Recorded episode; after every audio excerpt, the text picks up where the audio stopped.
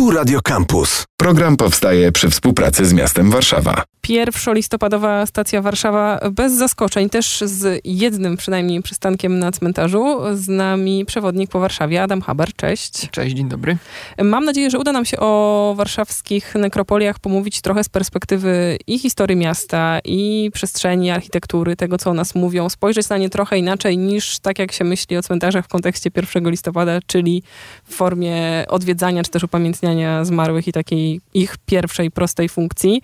E, gdybyśmy zaczęli od początku i poszukali najstarszego cmentarza warszawskiego, bo wydaje mi się, że tu już sprawa robi się ciekawa na samym początku, kiedy ludzkość decyduje się jednak grzebać zmarłych gdzieś indziej niż w pobliżu własnego domu. Tak i myślę, że warto wspomnieć o tym, czemu w ogóle cmentarze były tam, gdzie były, ponieważ od początków istnienia ludzkości no ludzie nie chcieli mieszkać obok osób, które chowają, więc postanowiono te wszystkie cmentarze zazwyczaj tworzyć poza granicami miasta, poza granicami części, gdzie ludność mieszkała.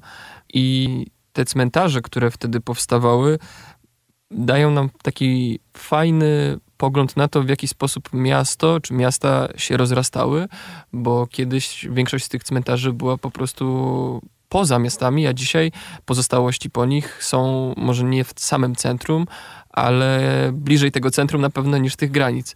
Jeżeli chodzi o taki najstarszy cmentarz w Warszawie, który możemy jeszcze gdzieś tam zobaczyć, bo też dużo cmentarzy, które były w mieście, przestały istnieć, zostały zabudowane. Mm, tak naprawdę wielu nawet nie mamy informacji, gdzie były konkretnie, tylko że po prostu gdzieś były.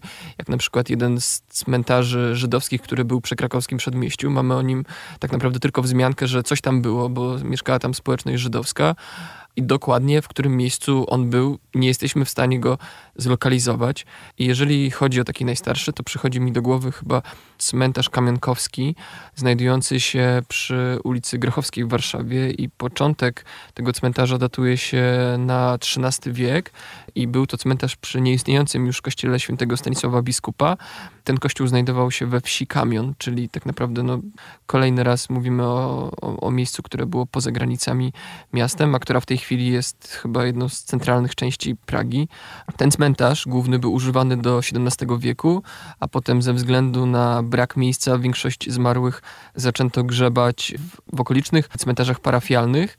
Potem zaprzestano pochówków mniej więcej w 1887 roku i później ludzi zaczęto chować w pobliskim, a w zasadzie teraz w pobliskim, kiedyś to też mm, odległym cmentarzu brudnowskim czy cmentarzu powązkowskim. Ale jeżeli chodzi o ten, to y, o takie najstarsze, to myślę, że to tam moglibyśmy szukać tych korzeni. Kiedy cię słucham, to tak marszczę brwi i próbuję sobie przeskanować mapę tamtej części Warszawy i zlokalizować ten cmentarz.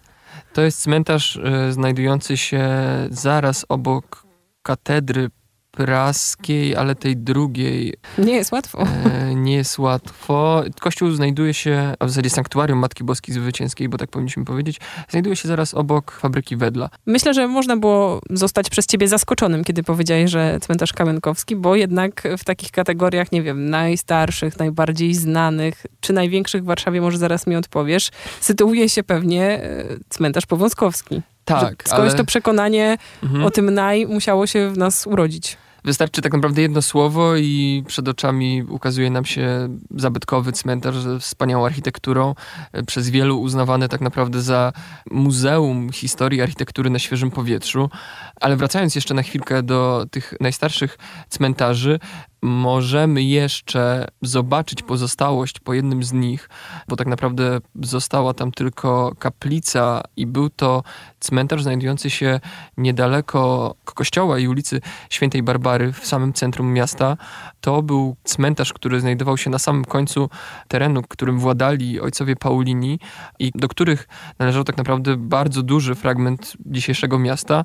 Jeżeli byśmy szli ulicą wspólną, no to ta kaplica po prawej stronie by nam się, wspólną stronę ulicy Emily Plater, to ta kaplica nam się tam by ukazała. No i swego czasu był to cmentarz, w zasadzie miejsce pochówku, też jakby na granicy już tego terenu, więc warto zobaczyć to, jak, jak, jak duży był to teren i jak bardzo wtedy uznawali za odległą część swojego terenu coś, co jest obecnie dzisiaj w centrum naszego miasta. Wracamy na Powązki? Wracamy na Początek Powązki, tak. tego cmentarza? A, uwielbiam Powązki, naprawdę to jest fantastyczne miejsce. Początek w końcówce XVIII wieku został założony i od tamtej pory tak naprawdę naj, wszystkie najwybitniejsze postacie związane z czy literaturą, czy kulturą, muzyką, kulturą, pochodzeniem tak naprawdę społecznym, sportem. no bo ktoś, kto wyżej był, nazwijmy to teraz gdzieś tam e, w hierarchii, czy to były jakieś rody szlacheckie na przykład, to tam był pochowany. W XV wieku sama nazwa Powązki powstaje, w sensie pojawia się gdzieś w jakichś źródłach historycznych i był to przywilej e, księcia mazowieckiego Janusza i określał on przebieg granic między terenami Warszawy a ziemiami należącymi do księcia czyli wsiami Marymont Powązki i Wola Książęca. E, Potem w 1770 roku teren wydzierżawił Adam i Izabela z Flamingów Czartoryskich i mieli pomysł, żeby tam stworzyć park romantyczny. Takie były czasy, że te parki powstawały. Ten park tam był, powstawał, ludzie tam przychodzili, ale z biegiem czasu trochę to zaczęło podupadać. E, No i zazwyczaj ten, ta część miasta była no, miejscem, gdzie dochodziło do, do, do walk. Dużo rzeczy tam em, zostało zniszczonych. W 1798 roku pozostałość po Parku Czartoryskich kupił Józef e, Łaszczyński, który urządził tam browar i karczmę, a pod koniec XVIII wieku powstawały w tamtej okolicy mniejsze cmentarze różnych wyznań. No i jako pierwszy w 1790 założono katolicki cmentarz powązkowski, dziś zwany Starymi Powązkami. No i chyba jeżeli chodzi o ten rejon cmentarzy, no to to jest najbardziej znany cmentarz. Obok mamy cmentarz żydowski, cmentarz osób wyznania protestanckiego, czyli ewangelicko-augsburski, czy na przykład mm, kalwinistyczny, ale również e, na przykład cmentarz, na którym chowano e, osoby wyznania muzułmańskiego, czy na przykład Tatarów. Mamy też powązki wojskowe, które czasem można ze starymi pomylić, jeżeli ktoś się A jak ktoś się pomyli, to potem musi iść na piechotę y, ładnych, chyba myślę, że około dwóch kilometrów, albo podjechać 180 chyba. Najbardziej cmentarna warszawska linia, mam takie wrażenie, bo w sumie zaczyna się przy cmentarzu w Wilanowie, na którym, jeżeli ktoś jest fanem na przykład Czterech Pancernych albo pierwszego, pierwszej odsłony Nikodemadyzmu jest pochowany Roman Wilhelmi. Dosyć nietypowe miejsce, a aktor naprawdę bardzo y, ważny. Czy na przykład jeden z głównych bohaterów y, serialu Alternatywy 4. E, no i tam się zaczyna linia 180, a kończy na Powązkach. Kawałek jest i cmentarz wojskowy albo komunalny, bo tak też jest określany, jest określany troszeczkę innym stwierdzeniem niż, niż takie Muzeum Historii Architektury. E, Ja, ja bym go tak określał, bardziej bym go określił jako podręcznik podręcznik historii, ponieważ pochowane są tam osoby tak naprawdę z każdej możliwej opcji politycznej, z każdej możliwej działalności, którą prezentowali sportowcy, literaci, społecznicy, muzycy, powstańcy na przykład styczniowi czy listopadowi, ale również leżą tam żołnierze carscy, którzy z tymi powstańcami walczyli, leżą tam e, polscy żołnierze, z, e, którzy zginęli podczas obrony Warszawy w 1920 roku, ale leżą tam również czerwonoarmiści, którzy zginęli właśnie próbując e, atakować nasz kraj. Leżą tam powstańcy warszawscy, czy ofiary II wojny światowej, ale leżą tam też na przykład komuniści, tacy jak e, Bolesław Bierut, czy, e, czy Gomułka. Leżą tam opozycjoniści po 1945 roku, którzy walczyli z komuną, ale leży tam na przykład, został tam niedawno pochowany Jerzy Urban, więc naprawdę...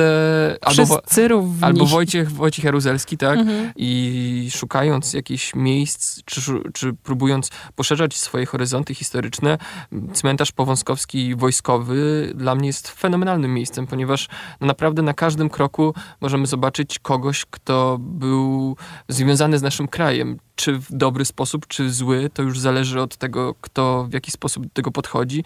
No ale taka jest historia i nie, nie zmienimy tego. Dwa takie e, wątki jeszcze sobie przypomniałam słuchając cię. Po pierwsze, żeby jeszcze pomyśleć sobie o cmentarzu powązkowskim też historycznie, jako o takim miejscu na przykład znaczącym e, w czasie powstania i wojny, takim, które pomagało przy różnego rodzaju operacjach. To jest oczywiście duży temat pewnie na jakąś osobną rozmowę, więc go porzucamy i tylko zostawiam taki haczyk, ale też o tych e, cmentarzach dedykowanych konkretnym osobom, cmentarz Mhm. powstańców, cmentarz żołnierzy radzieckich. Jakie jeszcze inne e, warto w tej kategorii przywołać warszawskie? Myślę, że to byłoby chyba na granicy warszawskich, ale powiedziałbym o cmentarzu leśnym w Laskach, bo to jest taki cmentarz, na którym głównie mm, pochowane są osoby związane z mm, y, zakładem dla niewidomych, który się tam znajduje, a i oprócz tego, że są tam groby na przykład sióstr zakonnych, które się opiekują osobami niewidomymi tam, leżą tam też wybitne e, osobistości, e, między innymi Tadeusz Mazowiecki, czyli pierwszy polski premier po 1989 roku, ale również na przykład Słonimski czy Jan Lechoń. Cmentarz wygląda fantastycznie, jest, y, znajduje się w środku w lesie. Przy samym wejściu jest wielka tabliczka, żeby nie, nie dekorować y, grobów sztucznymi kwiatami, bo jest to jednak teren lasu i sztuczne kwiaty nie byłyby tam zbyt mile widziane. On nie znajduje się w Warszawie, a jednak jest bardzo blisko. Mm, jeżeli chodzi o takie miejsca pamięci w zasadzie, bo to chyba tak można by powiedzieć, no to na myśl przychodzi mi cały Muranów, który jest tak naprawdę niemym świadkiem historii. To, że się chodzi po górkach i dolinach na Muranowie, to nie jest wcale przypadek, bo Większość z tamtych bloków, które powstały, powstały po prostu na gruzach tego miasta, na gruzach tej części żydowskiej Warszawy i po prostu postanowiono nie, nie wywozić tego wszystkiego. Czasami przy jakichś odkrywkach trafia się na pozostałości piwnic, na pozostałości kości na przykład, z miejsc pamięci o których jeszcze, e, które przychodzą mi do głowy, no to wszędzie tam, gdzie możemy znaleźć tak zwane tablice pamiątkowe Tchorka. Tchorek to architekt. Tablice powstawały w 1949 roku i upamiętniają znajdujące się w Warszawie miejsca walk i męczeństwa. Tablic jest około 160, na co warto zwrócić uwagę. W różnych miejscach możemy je spotkać, często na budynkach, często na pozostałości różnych kamienic. W większości miasta na tej tablicy możemy zobaczyć, że miejsce jest uświęcone krwią poległych mieszkańców czy powstańców i zazwyczaj jest tam ilość tych osób, które zginęły w tym miejscu. Zazwyczaj jest to liczba, która się waha od kilku do kilkunastu osób. Natomiast jeżeli przeszlibyśmy się na wolę, wolę.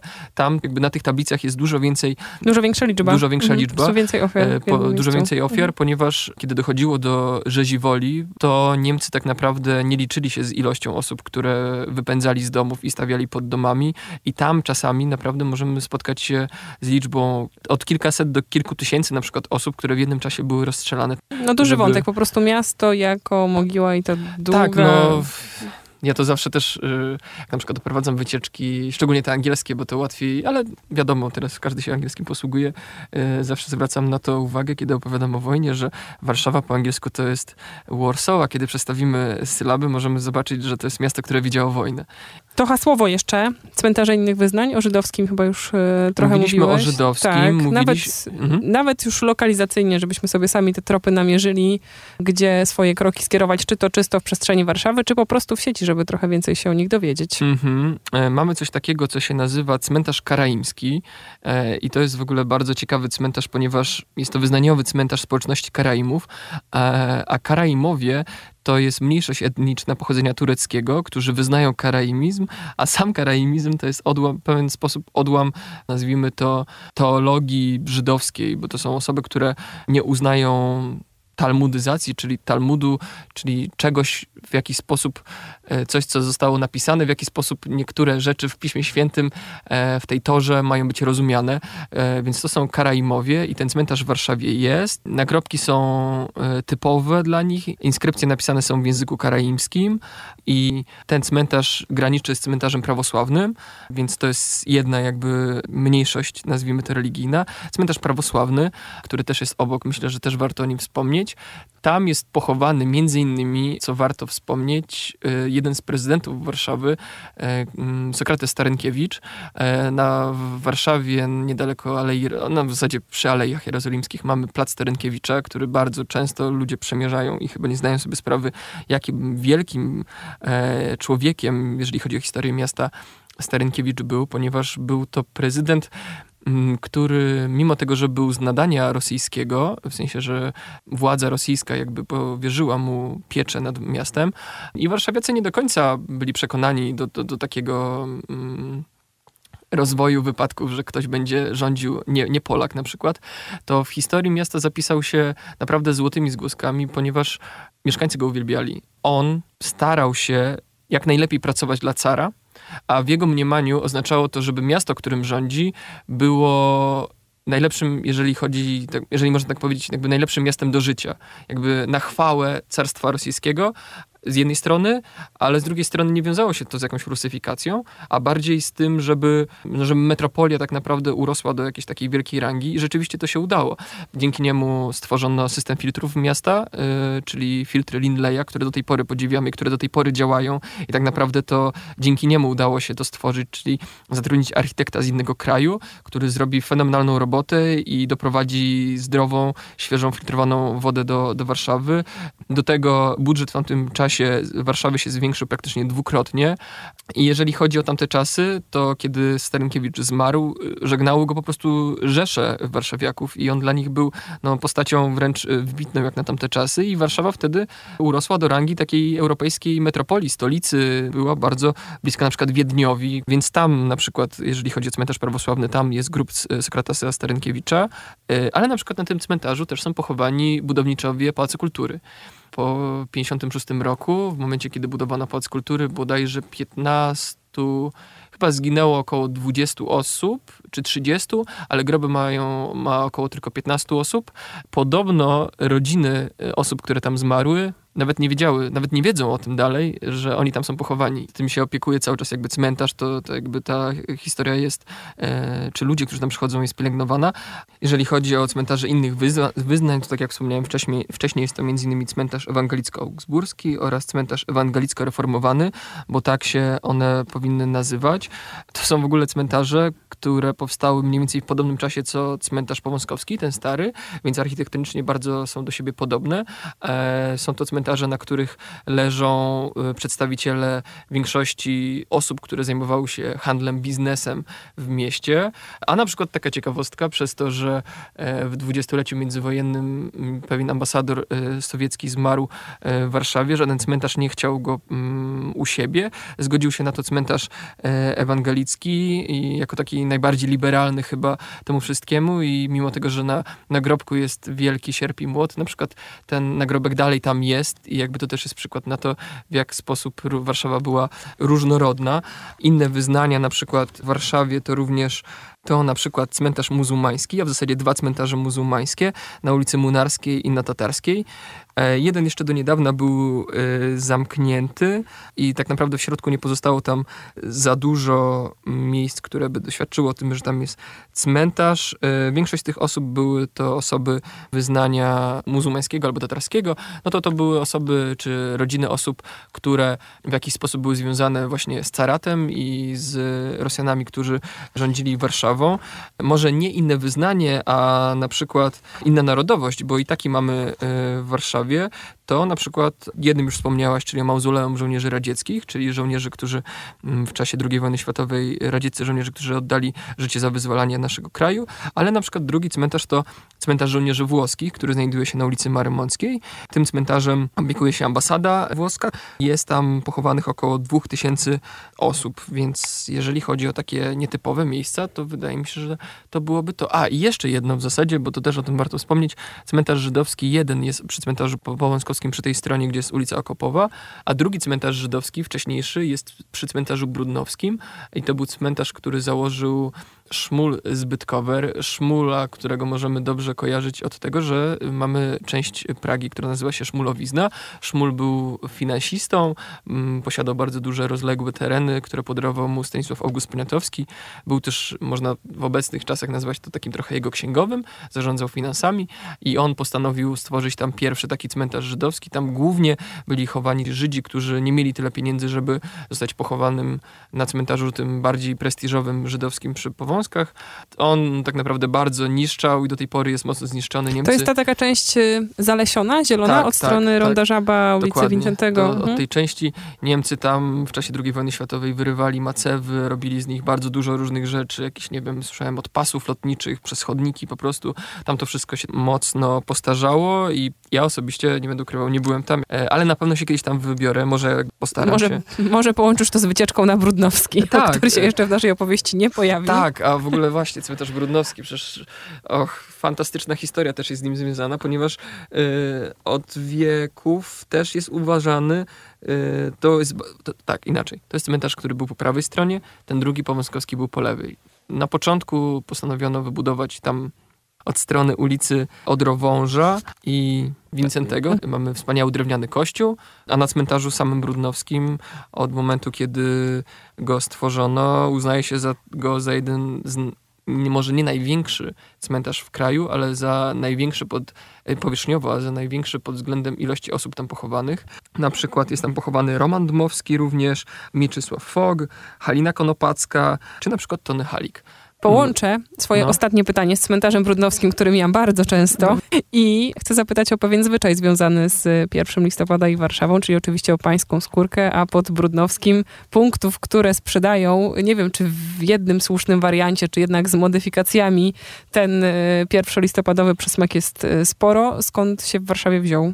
Pańska skórka to myślę nieodłączny element pierwszolistopadowej wycieczki na cmentarze i ja osobiście naprawdę za każdym razem staram się chociaż kilka tych cukierków, bo to tak można nazwać, zakupić i zjeść. Warto wspomnieć o tym, że pańska skórka to wyrób tradycyjny i trafił na listę w Ministerstwie Rolnictwa i Rozwoju Wsi, na listę no, potraw tradycyjnych i na stronie możemy przeczytać, że kształt jest zbliżony do prostokąta, trochę podłużny i podobny do kształtu cukierka krówki, długość od 4 mniej więcej wysokości 2 i szerokości 3 cm, konsystencja twarda, lepka gęsta, w dotyku gładka, struktura jednolito elastyczna, smak bardzo słodki, mleczny, lekko migdałowo-karmelowy i jest bardzo intensywny.